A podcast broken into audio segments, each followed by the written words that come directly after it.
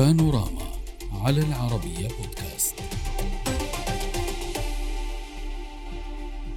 خطوة جادة نحو إعادة العلاقات السعودية الإيرانية إلى طبيعتها. زيارة وصفت بالتاريخية أجراها وزير الخارجية السعودية الأمير فيصل بن فرحان إلى طهران. زيارة هي الأولى لوزير خارجية سعودي لإيران منذ عدة سنوات. في طهران التقى وزير الخارجية السعودي بمسؤولين إيرانيين أبرزهم الرئيس إبراهيم رئيسي ووزير الخارجية الإيراني حسين أمير عبد اللهيان. اللقاءات تضمنت مناقشة ملفات عدة أبرزها التعاون الأمني وخلو المنطقة من أسلحة الدمار الشامل وعدم التدخل في الشؤون الداخلية إضافة إلى ملفات اقتصادية. الأمير فيصل بن فرحان ناقش خلال لقائه الرئيس الإيراني آخر المستجدات والتطورات على الساحتين الإقليمية والدولية والجهود المبذولة بشأنها. كما قدم وزير الخارجية السعودي دعوة رسمية من الملك سلمان بن عبد العزيز إلى الرئيس الإيراني إبراهيم رئيسي لزيارة السعودية. بدوره أكد الرئيس الإيراني على أن مصالح البلدين تكمن في الحوار والتفاعل كما أكد على إمكانية التغلب على المشاكل بالتعاون والحوار بين دول المنطقة. لقاء وزير الخارجية السعودي الأمير فيصل بن فرحان مع رئيسي سبقه لقاء مع نظيره الإيراني. قال الوزير بن فرحان بأن اللقاء اتسم بالإيجابية والوضوح مشددا على أهمية توسيع آفاق التعاون والمصالح المشتركة بين البلدين وانعكاساته على تعزيز الأمن الإقليمي. نناقش هذا الملف مع ضيوفنا هنا في الاستوديو الصحفي السعودي حسن مصطفى. أهلا بك. معنا ومعنا كذلك من طهران محمد صالح صادقيان المحلل السياسي. أهلا بك. معنا أستاذ صادقيان. اسمحوا لي أن أبدأ هنا في الاستوديو مع الأستاذ حسن. أستاذ حسن أحييك من جديد واهلا وسهلا بك. إلى حلو. مناقشة هذه التطورات في الواقع بدأنا بمتابعتها منذ العاشر من مارس حيث أعلن عن تقارب سعودي إيراني ومن ثم تابعنا التحركات الدبلوماسية. اليوم نتحدث عن زيارة وزير الخارجية السعودي إلى طهران ما الذي تمثله هذه الخطوة في مجمل التحركات؟ آه، هذه الخطوة تشير أن هنالك جدية سعودية حقيقية في الذهاب نحو تبريد الملفات الإقليمية وأن السعودية في حوارها مع إيران تريد أن تؤسس لأمن إقليمي يشترك فيه الجميع. مسؤولية الحفاظ على أمن الشرق الأوسط والخليج العربي تحديدا ليست مسؤولية تتحملها دولة واحدة وإنما مسؤولية مشتركة. إيران دولة مركزية إيران دولة كبيرة لديها الكثير من القوة لديها الكثير من النفوذ ولكن في نفس الوقت هنالك مشكلات كانت آه، تؤرق الجيران. وهذه المشكلات يجب أن تكون هنالك حوارات مباشرة من أجل حلها. ولذلك الرياض الآن تسعى أولا إلى بناء علاقة تقوم على الثقة تقوم على الصدق تقوم على الشفافية في الحوار من أجل بداية آه، لأسميها إدارة الأزمة وإيجاد حلول لهذه الأزمات التي تراكمت خلال سنوات.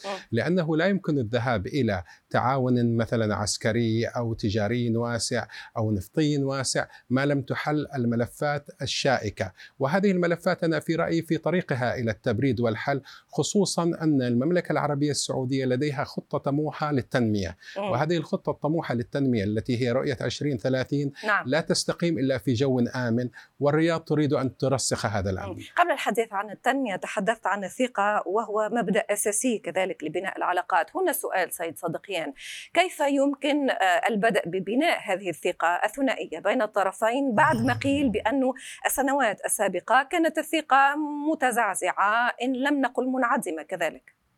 أنا أعتقد بأن العلاقات الإيرانية السعودية يخطأ من يتصور بأنها مفروشة على سجادة حمراء، وبالتالي هناك الكثير من المشاكل والملفات المعقدة إلى حد بعيد بين طهران والرياض. الآن الخطوة الأولى المهمة والتاريخية فعلا التي قام بها الأمير فيصل بن فرحان لزيارة طهران، أنا أعتقد بأن هذه خطوه وضعت اللبنة الأساسية لهذا المسار مسار الألف ميل. وبالتالي هناك الكثير من التعقيدات هناك الكثير من الملفات الإقليمية اختلاف في وجهات النظر. وبالتالي أنا أعتقد بأن هذه الخطوة الأولى خطوة في غاية الأهمية. يجب أن تكون هناك خطوات لاحقة. ويكون هناك نوع من طول البال لدى الجانبين من أجل تحقيق المصالح المشتركة للجانبين. يبدو لي يعني ما يعطيني الأمل يعني عندما أقول بأنه يخطأ من يعتقد بأن هذه العلاقات مفروشة على السجادة صحيح ولكن أستاذ لكن, لكن هناك أمل. هناك هناك أمل, أمل. وهناك صعوبات آه، في الواقع سنتحدث عنها. ولكن أستاذ صدقيان هل تعتقد بأن انضمام الرئيس إبراهيم رئيسي إلى كوكبة الداعمين وبقوة؟ لأن تصريحات البعض أو بعض المراقبين آه، انتبهوا إلى أن التصريحات في الفترة الأخيرة صارت أكثر تشجيعا لهذا التقارب السعودي الإيراني بعد ما كان الداعم الأساسي هو آه، المرشد علي خامنئي. إبراهيم رئيسي في تصريحاته الجديدة انضم وكأنه إلى مجموعة الداعمين الإيرانيين هذا المحافظ المتشدد آه، في خصوص هذا التقارب السعودي الإيراني. هل هذا يدفع بالتقارب؟ هذا ما اردت أن أشير إليه. وهو هناك رغبة لمسناها من الجانب السعودي ونلمسها من الجانب الإيراني بإعادة صياغة العلاقات الإيرانية السعودية، يعني الآن نحن لا نتحدث عن فتح سفارات هنا وقنصلية هناك، نحن نتحدث على نتحدث عن إعادة صياغة علاقات كانت متوترة ولم تستطع الاتفاقية الأمنية التي وقعت بين الجانبين بين البلدين في العام 2001 ولم تستطع أيضا الاتفاقية الشاملة التي وقعت في العام 1998 والذي اتفق البلدان على تفعيل هاتين الاتفاقيتين نعم. لم تستطع هاتين الاتفاقيتين من آه، تبريد هذه الملفات لكني أعتقد الآن عندما أقول أنا متفائل بأن هناك رغبة عند قيادة البلدين بإعادة صياغة هذه العلاقات بما يخدم طيب. ليس المصلحة الإيرانية وليس المصلحة السعودية وإنما مصلحة, مصلحة جميع شعوب ودول المنطقة صحيح. آه، تتحدث عن إعادة صياغة هذه العلاقات. أستاذ حسن آه، ما الأساس لإعادة صياغة هذه العلاقات؟ البعض يضع معادلة الأمن مقابل النمو الاقتصادي. البعض يقول بأنه هذان ملفان يجب أن يزدهرا بالتوازي والبعض الآخر يقول بأنه يجب أن نقدم الأمن حتى نستثمر فيما بعد. حضرتك كيف ترى هذه المقاربة؟ أرى المقاربة ما تفضل به وزير الخارجية السعودي الأمير فيصل بن فرحان في مؤتمره الصحفي بالأمس عندما أشار إلى العلاقات القائمة على حسن الجوار وعدم التدخل في الشؤون الداخلية. هذا هو المفتاح الأساسي برأيي. الذي أزعج دول الخليج والمملكة تحديدا من السلوك الإيراني في السنوات السابقة هو تدخلات الحرس الثوري عبر بعض الخلايا التي كانت في البحرين أو في المملكة العربية السعودية أو في الكويت، وأنا في تقديري الشخصي ليست لدي معلومات ولكن في تقديري الشخصي أن إيران الآن سوف تكف عن دعم هذه الخلايا أو عن إنشائها لأن لأنها إذا استمر الحرس الثوري في هذا السلوك سوف يعطي إشارة سلبية، فبرأيي أن الكف عن التدخل هو المفتاح الأساسي الكف عن التدخل بمعنى الأمن يجب أن أمن المنطقة سلامة المنطقة المنطقة وسلامة المنطقة دول صحيح. المنطقة يجب أن يسبق النمو الاقتصادي ليس بالضرورة أن يسبق ولكن م. أن يكون هنالك توازن في الملفات أه. وأنا أعتقد أن القرار الآن في المصالحة مع المملكة العربية السعودية في إيران ليس قرار فرد بل هو قرار نظام بأكمله قرار, من قرار منظومة بأكملها حتى لو كان هنالك بعض الأصوات الراديكالية في الحرس الثوري أو بعض التيارات. آه، لا أعتقد أنها سوف تكون مؤثرة لأنها سوف تصطدم بقرار المرشد علي خامنائي المرشد علي خامنئي وأقطاب النظام أخذوا قرارا بالمصالحة وهذا القرار سوف أعتقد سوف يمشي فيه الإيرانيون نعم. ولن يعكر صفه شيء إلا إذا حدثت هنالك تغيرات كبرى في الإقليم م. كتدخل أطراف خارجية أو وجود بعض الأطراف المندسة في الداخل قامت بعملية تفجير هنا أو هناك لا سمح حتى الله. الآن الأطراف الخارجية تبارك تتابع هذا ما تقوله على الأقل تصريحات اللهم أعلم بالنوايا لا نعلم كيف تكون النوايا ولكن آه، أستاذ صدقيان آه، لما نتحدث عن تحييد آه، الجماعات المسلحة التي آه، تقول آه، آه، الدول في المنطقة بأن إيران تستخدمها لزعزعة أمن بعض هذه الدول. هنا سؤال صعب. إلى أي مدى هناك قدرة من الحكومة الإيرانية على تحييد مثلا فيلق القدس أو تحييد الحرس الثوري؟ بينما البعض في الداخل الإيراني يتحدث عن انفلات تشهده هذه المؤسسات أو على عناصر منفلتة قد تكون غير مؤيدة لهذا التقارب. أنا لا أنسجم كثيرا مع هذا مصطلح الانفلات. يعني إيران لا يوجد فيها مؤسسات عسكرية منفلتة عن قرار النظام. لهذا تحدثت لهذا لهذا تحدثت عن عناصر مش على مؤسسات. نعم. قلت بأنه هذه المؤسسات تضم عناصر وفيما قبل قيل بأنه بعض من هذه القيادات آه، لا تبارك هذا التقارب وقد يحصل أي انفلات أمني. هذا تخسر الأطراف من خلاله أي إمكانية للتقارب. هذا طبيعي جدا وموجود مثل ما موجود في إيران موجود بالجانب الآخر. أيضا هذا أنا أعتقد بأن هذه قضية طبيعية جدا لكن دعيني أشير إلى قضية أكبر من ذلك في الإطار العام. هناك تعريف للأمن القومي الإقليمي لدى إيران وهناك تعريف أيضا آخر لدى السعودية للأمن القومي الإقليمي. وهناك تعريف للأمن الوطني الإيراني وهناك تعريف أيضا للسعودية لأمنها القومي الوطني. وبالتالي نحن أنا عندما قلت بأنه ليس مفروش على السجادة الحمراء هناك خلافات في وجهات النظر. الآن عندما وضعت اللبنة الأساسية الأولى وهي خطوة زيارة وزير الخارجية السعودي الأمير فيصل بن فرحان لطهران أنا أعتقد بأن هذا شيء في غاية الأهمية. الآن نحن أسسنا لطاولة حوار. كانت هناك حوارات خمس جولات من الحوارات في بغداد حوارات أمنية كانت. في بكين أيضا كان هناك حوار أمني وهناك حوار سياسي.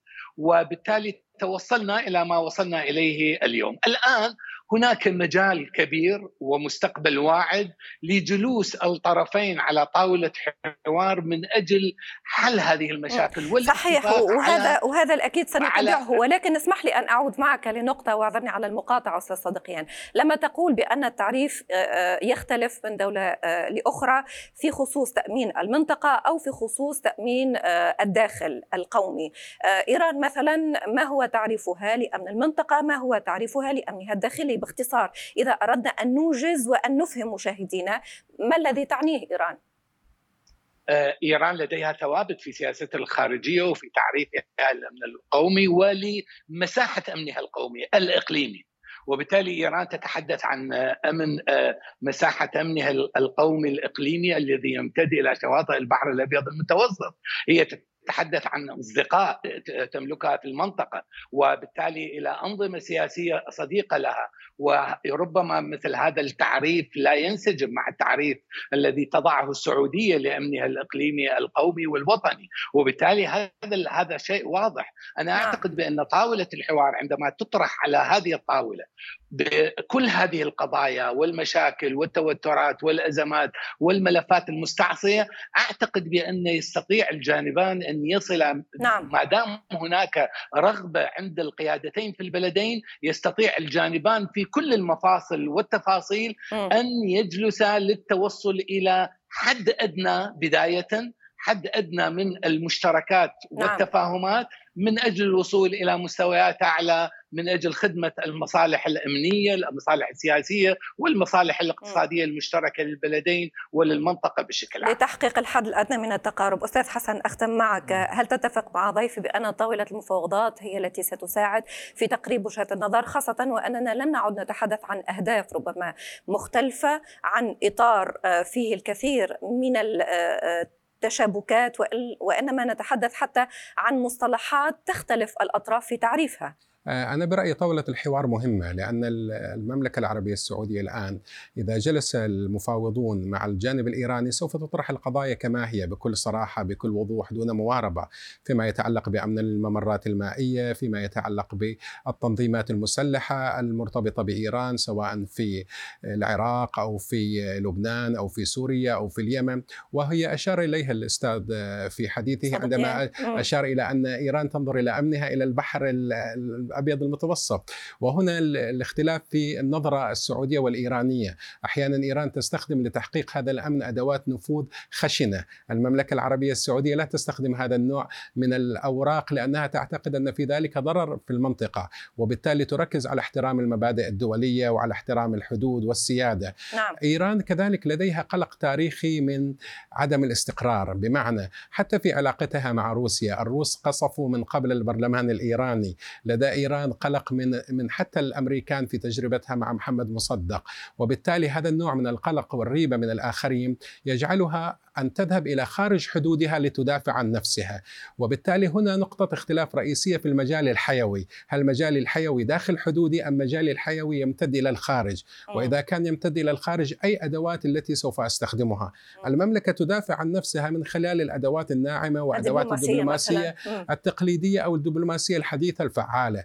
إيران تستخدم أدوات مثل التنظيمات المسلحة. هذه الأدوات تشكل خطر. إلى أي درجة هي قادرة الآن على ضبطها؟ إلى أي درجة هي الآن قادرة على تقليم أظافرها. أعتقد هذا ستبينه الأيام لأنه ما لم يتم حمل حل هذا الملف ستبقى الأمور شائكة. ربما كذلك هي من جهتها تحتاج إلى تطمينات. لا نعلم على كل طاولة صحيح. المفاوضات هي التي ستفصل في كل هذا. أود شكركم الجزيل الشكر هنا في الاستوديو. الصحفي السعودي حسن مصطفى شكرا, شكرا جزيلا لك. لك. زميلنا حسن ومن طهران محمد صالح صدقيان المحلل السياسي شكرا لك. بهذا أتينا إلى نهاية بانوراما لهذا المساء. أعود غدا ألقاكم في نفس التوقيت بمواضيع جديدة. السلام عليكم.